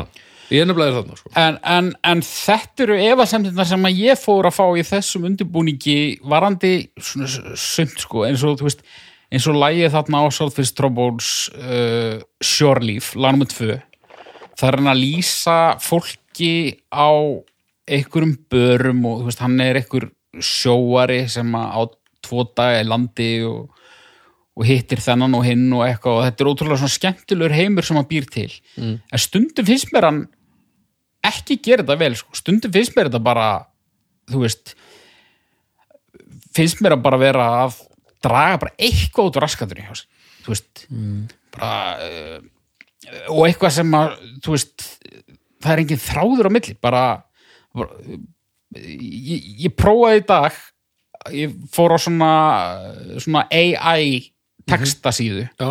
og ég skrifaði hérna semdu Tom Waits legan texta með mörgum litskrúðum persónum með tragískan bakgrunn Mhm. og það sem kom var ekki nógu gott til þess að ég nefndi að screenshota það og lesa það upp hérna okay. en, en þú veist, það sem ég átti þú, geggjur saga ykkur. Ég átti alveg eins von á því að þetta yrði 100% skilur út, út, út af því að, að þú veist, út af því að þetta er stundum bara hérna uh, ungverskur útfararstjóri spilar púl við einfættan uh, Já, ég meina, hamur er svolítið að gera það sama það en, en svo bara yfir í eitthvað allt annað hérna, sirkustverkur uh, setur peningi í glimskrattan uh, til að hlusta á e- e- þetta er bara eitthvað stundum. Já, já. og og ég held þú segir sko þú segir, kannski er ég vandamáli sko. Ég held, ég held að það sé alveg að hluta til. Maður þarf einhvern veginn að vera í bara rétta Nei, nei, en, hugar ástandinu til að kaupa þetta sko. Nei en, en samt líka veist en þetta er líka bara eins og að færa leikús það er ekkert nóg að einhver setja upp leiksýningu það er ekkert gott automatist sko. Ég, og ef að þetta er ég ger mér ekki grein fyrir hvort hann hefði eitt jafn mjög tíma í allt eða hvort hann láti stundum fílingin ráða eða eitthvað en, en, en mér finnst að þér megi alveg finnast sumt lélegt já, en, en ég er ekkit alveg 100% sannfæriður heldur út, ég mér fannst þetta allt vera snill sko. allt, Já. þetta sem þú ert að tala um já, Já. ok, þá kannski mér fannst þessar fyrstu tíu plötur bara allar frábærar sko. frá upphæða til enda já. en hérna ég veit ekki hvort ég er hann eldri og vitrari eða eldri og meira óþólandi já, já, en líka þú veist það fannst rosalega mörgum Lost Highway stórkostleg. Já, hún er það ekki, sko. Hún er ekki svona frábær, ég hef ekki séð hana. Hefur ekki aldrei séð hana? Nei. Nei, ok, þá gengur þetta ekki fyrir því en uh, þetta er, hún er hún er rosalega svona mikið djöfull og mikið mestarverk í baksinspeglinum sko. ég, ég skil ekki sko að ég, er, ég, ég, ég átta mikið alveg á þessu að hérna, akkur ég er að láta að það fara í töðunar á mér að Tom Waits bú ekki hjalli í Mississippi að hérna á meðan eins og Nick Cave Hva, veitu, en hvað væri hann þá með í Rasvarsson? dverg? Nei, viskipela Viskipela, bara- já, við- að Þetta var viskipela, bara já. þriða skipti sem þú sagðir þetta já, já, ég, Já, ég, pínu- hvað, er, hvað er ég oft búin að segja hjallur í Mississippi? Ja, hérna, Þetta voru pínum ámrið og lokaður sér ekki. Hann væri með símanúmer hjá uh, uh, blindri mellu. Blindum norskum villigætti hjallurinn í Mississippi og viskipelin í Rasvarsanum já. Að ég skil ekki að, að því að Nick Cave Haukur, þú þetta verða minn upp á Tom Waits. Hann, hérna það hann bara lifi bara frekar skipulöðu einhverju lífi bara og lalala og það fyrir ekki töðunar mér, mér er alveg saman sko. Ég, ég, ég vil ekki að Nick Cave sé eitthvað Það er minna leikhúsi líka í Nick Cave en, en Ná, sko. já, ég, ég er bara að gappa mig er þetta ekki bara hatturinn strákar? Hatturinn?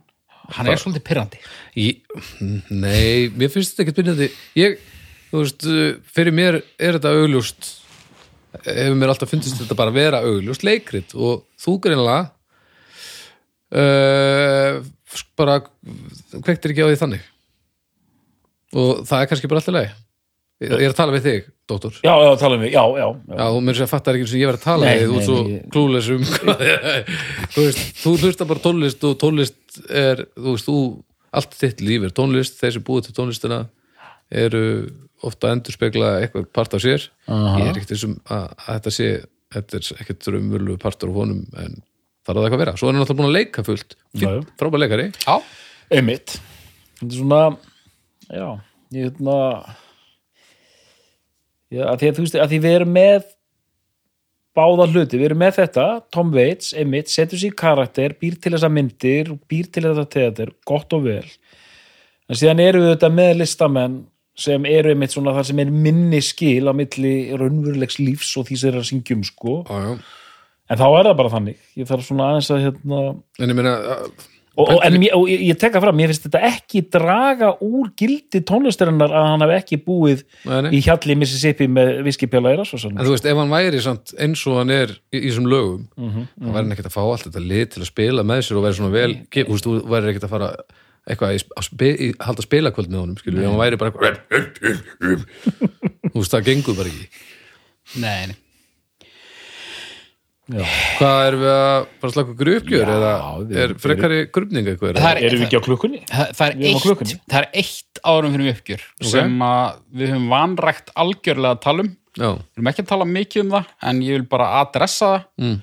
vegna þess að frá því að hann giftist Mm þá semur hann alla tónlistina með einkonu sinni já þannig að hún á er heilan þessi, djöfulsis helling þessi í, Kathleen. Já, Kathleen Brennan, já. í öllu hann stóti síðan bara 80 eða 82 eða hvernig sem þau Já, giftust já. þau eru bara hún er- collaborators.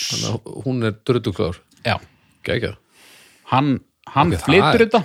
það er gægjað en, en hún er svona Muse. já, En hvað hún er er, bara ég, ég ætla ekki að líka henni við Jim Steinman vegna þess að uh, Meatloaf gerði aldrei neitt. En hérna mm, en já, mér skilst að þetta sé mjög mikið samstarf. En uh, áður en við fyrir mjög uppgjör þá þurfum við aðeins að tala um hann sem uh, áhrifavald. Já. Uh, áhrifavaldur. Um, Múkisson Mugjesson. já veistu, minna, hann, er búin, hann hefur haft á, á, áhrif á rosalega marga. Já, og það er svona, þetta er svona oft óbein áhrif, bara gerðu eitthvað furðulegt og hérna, þú getur gert það innan ramma af því að spáði því að því að hann hefur rauninni alltaf verið hálfpartin mainstream listamæður, Tom Waits. Mhm. menn hann gefur út á Island Records Asylum þarna og þú veist, síðan fer hann yfir á veist, hann er alltaf verið í góðri dreifing svo fer hann yfir á Andy sem er Já. okkar elsku besti Brett Gurevits Já, já, já hann er búin að gefa hann út síðan 99 Ok, þannig að þetta er svona myndið segja það, hann er líka oft svona mér finnst þetta að vera það þekkt nafn að þetta er svona þetta er svona nafn sem getur gripið í sko bara, en hlust, ég, ég hlusta bara á hérna, þetta og þetta en hlustar ekkit á einhverja skrýttamúsi líka Jó, ég hef nú alltaf verið pínu svag fyrir Tom Waits. En mér til Það er út í Liverpool spurður sko. En þannig er líka munurinn sko mér- fyrir mér er þetta svo mikil þetta er svo mikil leikústónlist mm, mm. að þegar þú varst að tala um áðan að þetta væri algjör störlun og, og, og ógeðslega skrítið og þetta, Já, já, já, mér finnst þetta ekkert svo skrítið sko. Nei, nei. þetta er ekkert svo skrítin tónlist þannig. Mér finnst þetta bara, þetta er bara svona í þema. Já, já. og þannig að já, ég held að, að kannski finnst fólki þetta almennt skrítnar en mér finnst þetta. En mér finnst þetta bara stemmari og skemmtilegt sko. Þetta er svona eh, eins og Swordfish trombón sem ég er með ég er með Swordfish trombón nummer 1 Bónmarsi nummer 2 ah, og Closing Time nummer 3 ok. Og ég hefði viljað hafa eitthvað annað en Sword- Swordfish trombóns en hún etsar þetta bara, þetta er svo mikið shock of the new sko, var bara svona já, ok, þú ert bara að fara í þessa átt sko, þetta er Já. svona tilkomi mesta platan í rauninni finnst mér sko, en svona já, góðan daginn, bara þú ert bara að fara í þessa, þessa átt sko, fyrstu þrjú lögin eru bara ótrúlega sko. þið megi alveg búið ykkur undir þið megi alveg búið ykkur undir all harkaleg nei, hætti var nú ekki rétt hjá ykkur. Mm, já, það, ég það er verður allt mjög maður. En við erum búin að tala mjög fallega um mjög margt af því sem að. Tom Waits hefur sendt frá sér. Já, og hérna þó hafi komið smá drull þarna áðan þá uh, uh, myndi ég segja að við verðum í blues sko. já ég minna alveg ég og þessi mynd, nei, þessi hérna plata er stórkostleg. Hún er það? Hún er á topp 3 á mér líka sko Svona, já, bara bara glæsilegt sko. Og að, þú veist, Æland var á þessum tíma bara frekar stórt merki. Þetta, þetta var pussað alveg vel. Mm. Og bara einmitt að láta vaða í þarna Danny the Butcher eða hvað það heitir svona, já, Dave the Butcher. Dave the Butcher. Þetta er bara alveg magnað sko. Og, hérna, og spáði því, hún var tekin upp hún hafi verið upp í hillu í 13 mánuði. Já, okay. hún kom út haustið 83 og hafði verið tekin upp sko meira en ári og bara klár. Ok, af hverju var það? ég, bara, ég veit ekki alveg akkur það var sko en hún bara var á í sko. Var, var Tom eh, eitthvað að býða? Ha, Tom býða? ó nei, nú fyrir við uppgjör já ég seg sko mér varst skransala brandarinn fyndin en já en, ok en já, Já, ég, þetta ég, maður reynda að vera að segja svona brandar undanfarið? En ég fekk ekkert hérna, með rakk-systemið ég, ég hló pínu en hann, hann var að segja einhvern, kom með einhvern punkt þannig að hann svona og jú, hlusta bara á þáttinn það var alltaf ég, ég, sagði skrifið við, rétt átt sko ég, ég var að segja sem þú við, til dæmis tókst tilbaka núna ég, ég sagði við vinni mínu daginn að ég var að fara í þetta og þessi þáttur bara gat ekki beðið. Þeir, þeir eru mér sér föttuðu það ekki sko. þeir, þeir, bara, Já, mm. já, já, þeir eru satt. mér heyrist það. Já, já, já, uppgjör uh, við skulum byrja á doktornum. Þak, þakkaði fyrir það. Hérna ég er rosa gladur að hafa nýtt þennan vettvang bestu plötunar til að fara loksins í djúpsjávarköfun hvað Tom Waits var þar mm Hvað- mjög, ég fæ svona eiginlega pervertíska svona fullnægja að því að viðkenna að ég sé út að skýta í þessum efnum sko. Ég er svona ég samglefst þeim sem voru að láta hlakka í sér yfir óförum doktorsins -hmm. uh, rosa áhugavert að fara yfir þetta og eiginlega bara alveg magnað. Ég, ég vissi nokkuð neginn hvernig þetta yrði en bara mjög gaman að hlusta á þetta svona rækilega. Mhm.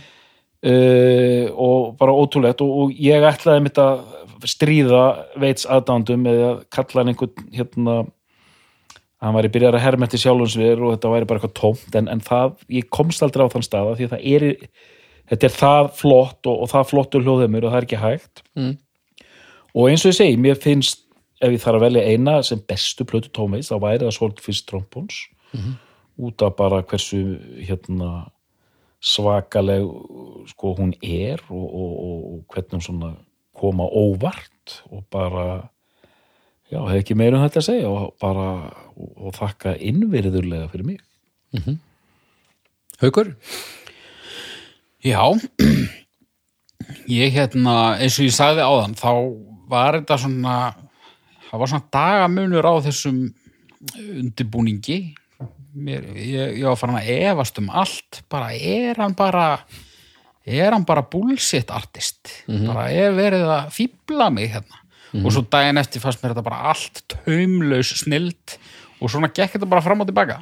En hérna en ég held ég að nú endaði í því að sko mikið af hans ferli sérstaklega þessar fyrstu tíu plötur fánalegt að tala um tvo þriða ferlin manns sem fyrstu tíu plötur.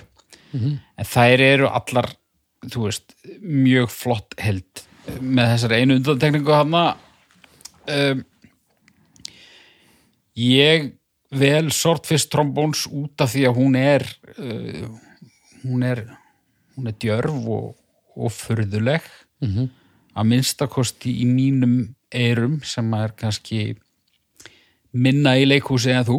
Já, uh, en þetta hefði alveg geta lent á Blue Valentine eða jafnvel Closing Time já, uh, bara gríðarlega uh, svona magnaður listamaður að mörgu leiti og, og, og ég held að sko allar pælingar um það hvort sé farin að endur taka sjálfan sig eða eitthvað ég, ég get alveg ímynda mér að ástæðan fyrir þessu þessari 12 ára þögn frá honum eða hvað er orðið hann hafi einfallega bara átt að segja á því sjálfur að, hann er kannski ekki að fara að koma með einhverja fjórðu umbreytingu á ferli sínum sko. þannig að hann getur bara verið stoltur af, af sínu legacy.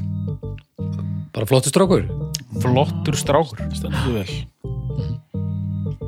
Þannig að haukur er þetta besta plata Dómvits já, Doktor, Er þetta besta platta Dómits? Já. Við þakka fyrir í dag og við heyrumst af ykkur liðinni.